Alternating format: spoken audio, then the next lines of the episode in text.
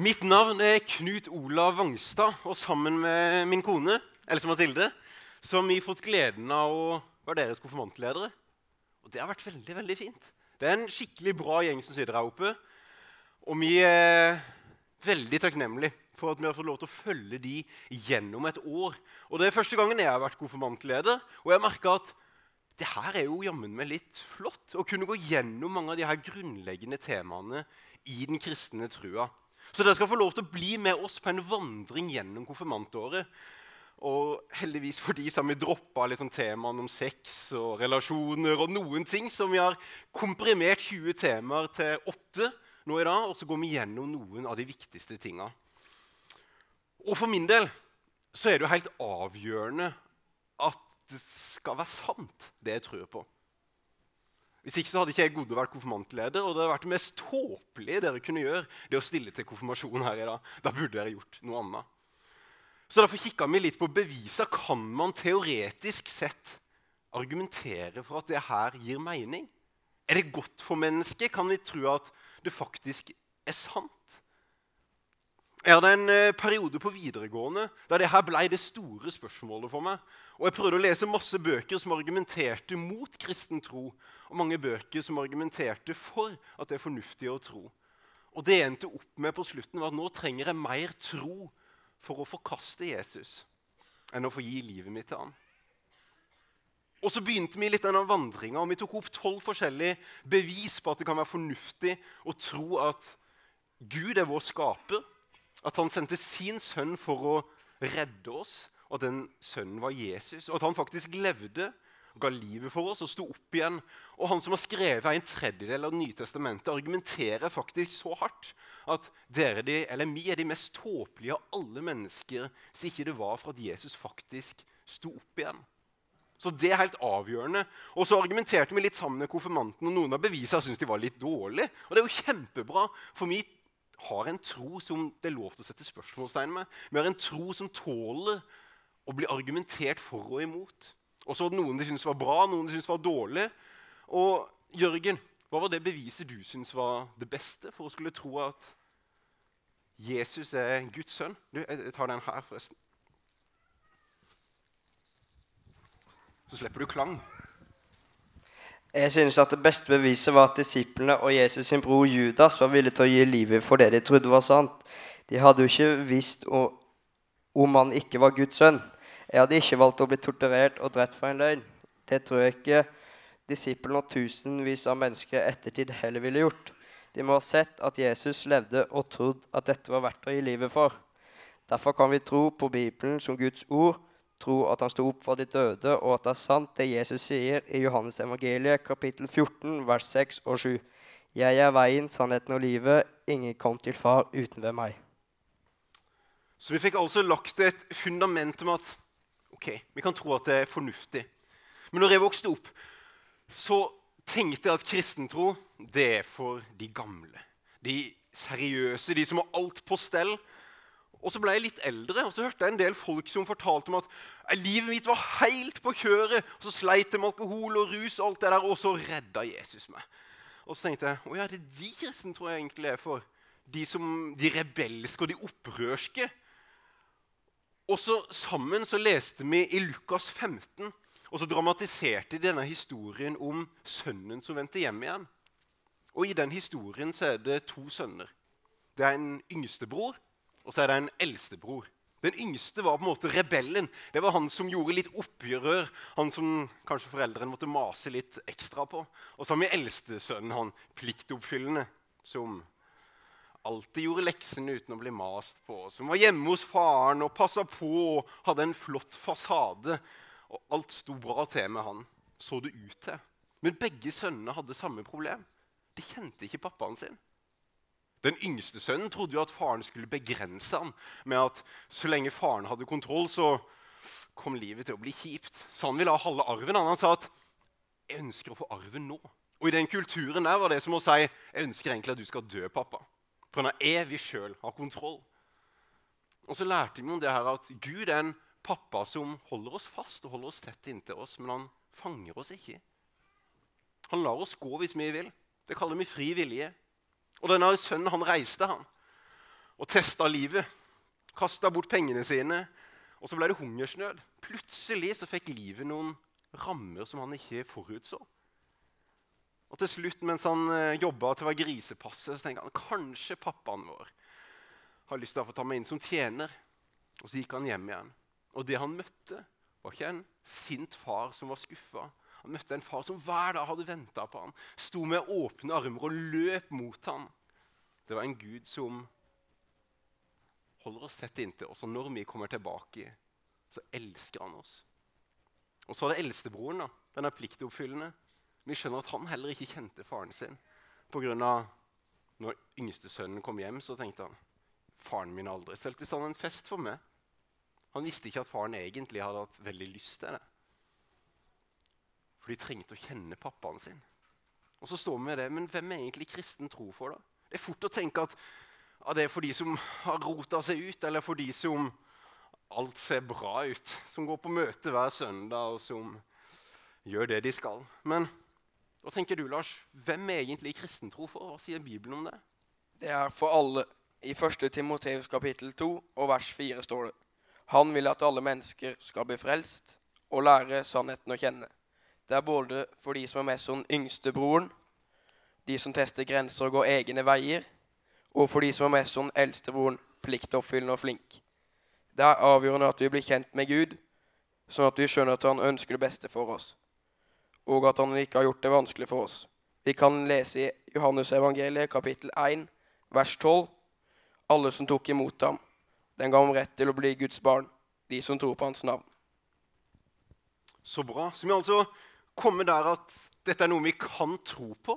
Det er en sannhet vi òg med hodet vårt kan sette vår tro til. Og så gjelder det alle mennesker. Det vil jeg si er en ganske god start. Og da måtte vi finne ut av Men hva er det her, da? Når Paulus reiste rundt og han traff en gruppe med kristne, kan vi lese med apostlenes gjerninger, så står det at han la grunnvollen i troa de sin før han reiste videre. Altså Han opplyste de om det mest grunnleggende, det sentrale i de sin tro. For kristne har alltid vært litt uenige om hvilke sangeren skal ha, om åssen møtet skal se ut, om den skal stå eller sitte, eller Men så er det noe som er sentralt i troa vår. En plattform å stå på, noe som vi kan stå i enighet rundt. Og Hva tenker du her, Olav? Hva sier Bibelen om det grunnleggende i vår tro? Det mest grunnleggende er å tro på Gud, at Jesus er hans sønn, og at han døde på korset for alle mennesker. Hvis man tror det, så ønsker man å vende seg bort fra det Gud ikke liker. Da tilgir Gud oss, og vi blir en del av hans familie. Det betyr at det ikke stopper her, men at vi skal leve evig med Han. Dette håpet vi kan lese om i apostelgjerningene, kapittel 4, vers 12. Frelsen finnes hos ham, og det er ingen annen i denne verden som kan frelse oss. Nei, det er bare Jesu navn som gir oss frelse. Så det er sant, og det gjelder oss. Og det er bare å tro. Og Bibelen lærer oss hvordan vi skal tro, men det er ikke alltid så lett. Det er noen ganger en visste hva man burde gjøre, men så gjør man noe annet. Og her så lærer Bibelen oss at vi har fått en hjelper. Kan ikke du fortelle om det, Johanne? Når vi tror, så får vi tilgang til Den hellige ånd. Han er tredje person av Gud. Gud er Faderen, Sønnen og Den hellige ånd. Den hellige ånd er vår hjelper. Han hjelper oss ved å lese Bibelen og skal lære oss hvordan vi skal bli mer lik Jesus. Jeg skal lese fra Johannes evangeliet, kapittel 14, vers 25. Jesus sier, men talsmannen, Den hellige ånd, som Far skal sende i mitt navn, skal lære dere alt og minne dere om alt jeg har sagt dere. Og i Johannes evangeliet kapittel 16 vers 8 står det Når Den hellige ånd kommer, skal han overbevise verden om at den har synd, om at det finnes rettferdighet, og at det finnes en dom fra Gud. I vers 14 sier Jesus han skal forklare ting for dere og lede dere til hele sannheten. I de nye Teslaene så slipper du å finne fram mobilen og sette opp GPS-en. Der er en innebygd GPS. Og sånn er det for de som tror. At når vi tror, så flyttes det inn en innvendig kompass for oss. Altså Når vi tar imot Gud, så er det ikke noe vi må streve etter lenger. Men med å bruke tid med Gud så peker Den hellige ånd oss mot Jesus, og så blir det noe vi får lyst til å gjøre. Det er en lyst fra innsida som lov til å boble fram. Men, men det er fortsatt vanskelig å se om vi trenger litt hjelp. hva er det egentlig Bibelen sier om, om det med bønn, Sebastian? I Matteus kapittel 7, vers 7 og 8 står det Be, så skal dere få. Let, så skal dere finne. Bank på, så skal det lukkes opp for dere. For den som ber, han får, og den som leter, han finner. Av den som banker på, skal det lukkes opp for. Bønn er Guds metode for å få oss til å bli med på, Gud, på det Gud ønsker å gjøre. Bønn er det samme, samme som å snakke med Gud. Det er noe vi kan gjøre akkurat når vi vil og han har lovet oss å høre. Vi kan lese fra Jakobs brev, kapittel 5, vers 16. Et rettferdig menneskes bønn er virksom og utretter mye. Så bra. Så vi kan altså be til Gud og snakke med Gud som vår pappa. Men fram til nå så høres det ut som en litt sånn kjip greie. En litt sånn privatsak vi kan gjøre oppe på rommet vårt alene. Men så tror jeg Bibelen prater om noe annet. At kristentro er ikke bare en privatsak, men det er noe som vi skal lov til å gjøre sammen med andre i et fellesskap. Kan ikke du fortelle om det, Oskar? Jesus lærte oss at det ikke går an å elske Gud uten å elske mennesker. Vi kan lese fra Johannes evangeliet kapittel 13, vers 24 og 35. Som jeg har elsket dere, skal dere elske hverandre. Ved dette skal alle forstå at dere er mine disipler, at dere har kjærlighet til hverandre. Det betyr at kristenlivet ikke bare er personlig, men noe som kan leves ut i fellesskap til hverandre. Paulus sammenligner det med en kropp med mange deler. Vi trenger alle delene for at kroppen skal fungere. Vi trenger også hverandre for at kirka skal fungere. Vi er altså satt i et fellesskap. og Derfor håper vi å se mange av dere videre på ungdomsmøter og ting som skjer i menigheten. For kristentro er vanskelig å utvikle og holde på som en privatsak. Og så er det sånn at det er ikke så lenge siden vi feirte 17. mai. Og da feira vi friheten til landet vårt. Og det vi egentlig feirer, er jo at vi fikk en grunnlov, vi fikk noen regler. Og for mange så høres regler ut som noe som låser oss. Men gode regler og rammer er jo egentlig noe som setter oss fri, som gjør til at vi har et fritt land. Og jeg tror det vi har gått igjennom nå, er godt for oss her og nå. Jeg tror det å være kristen og ta imot Jesus er den beste måten å leve dette livet på. Men likevel så stopper ikke Bibelen der. Den prater enormt mye om det håpet som venter oss i himmelen. Og Guro, kan ikke du fortelle litt om det himmelhåpet? Ja, Jesus sier, Jesus sier i Johannes evangeliet kapittel 11 og vers 25. Jeg er oppstandelsen og livet. Den som tror på meg, skal leve selv om han enn dør. Som kristne skal vi leve evig. Jeg liker å leve her og nå, men Paulus skriver faktisk brev til Filipperne i kapittel 1 vers 23. Jeg lengter etter å bryte opp, være sammen med Kristus for å få det så mye, mye bedre. I Johannes' åpenbaring kapittel 21, vers 4, kan vi lese om når himmelen inntar jorden. Han skal tørke bort våre tårer for deres øyne, og døden skal ikke være mer. Heller ikke sorg eller skrik eller smerte. For det som en gang var, er borte. Det gleder jeg meg til. Det er gode nyheter. Og Hvis vi nå går gjennom den rekka her med at det går an å stole på det, og det gjelder alle mennesker. Og vi har en grunnvoll der det egentlig bare handler om å tro på Gud. Og vi har fått Den hellige ånd til hjelp, og Bibelen lærer oss hvem Gud er. Og vi har et fellesskap, og vi har et evighetshåp. Så er det så gode nyheter at kristne har til enhver tid ikke kunnet latt være å fortelle de nyhetene videre. Det er litt som Hadde jeg gått bakover her og vært på vei mot kanten, så tror jeg noen av dere hadde Øy, stopp! På, ikke pga. at dere hadde lyst til å forstyrre meg. Her står jeg og har en tale. Nei, det er jo pga. godhet. Mot at jeg, ønsker det beste for deg. Og sånn presenterer Bibelen at vi skal dele evangeliet videre. Av medlidenhet for mennesker og godhet for mennesker. Sånn at flere kan høre de gode nyhetene om frelse. Kan ikke du fortelle hva Bibelen sier om misjonen? Emma Sofie? Jesus sa til dem som fulgte ham, at de skulle fortelle om ham til andre. Det er et oppdrag vi ikke er ferdig med ennå. Jeg skal lese fra Matteus kapittel 28, vers 18-20, det som også blir kalt misjonsbefalingen. Jeg har fått all makt i himmelen og på jorden. Gå derfor og gjør alle folkeslag til disipler. Døp dem til Faderens, Sønnens og Den hellige åndens navn, og lær dem å holde alt det jeg har befalt dere. Og se, jeg er med dere alle dager inntil verdens ende. Så bra. Da kan vi ta oss og reise oss. Og så har vi trosbekjennelsen sammen. Vi kjenner vår hellige tro. Jeg tror på Gud Fader, den allmektige himmelens og jordens skaper.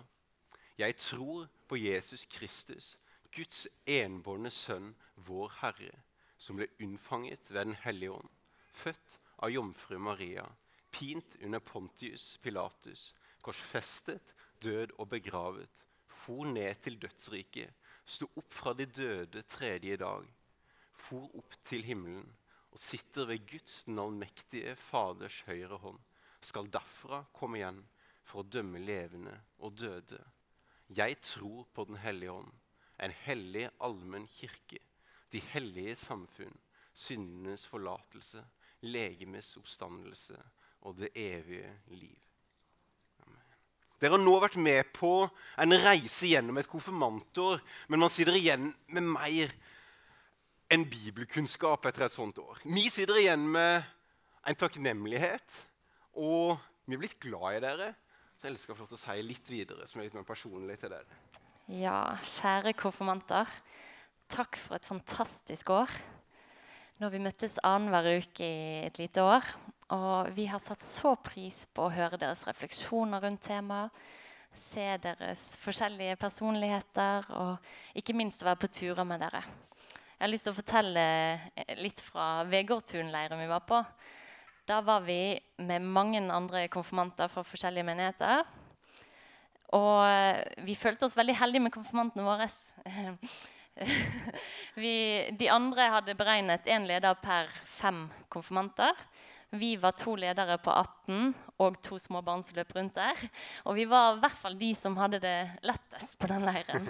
Så det sier noe om en krem, for en kremgjeng vi har hatt med å gjøre. Skikkelig veloppdragne, eh, fine ungdom. Ja. Eh, og nå har vi hørt litt av det vi har gått gjennom dette året. Men er det én ting vi håper dere sitter igjen med etter dette konfirmantåret, så er det at Jesus elsker dere.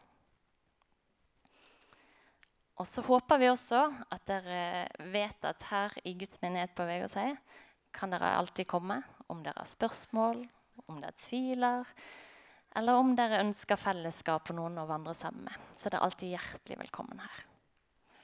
Men i dag er deres dag. Gratulerer med dagen. Feir godt. Dere er elsket, ønsket og unike. Og så ses vi rundt.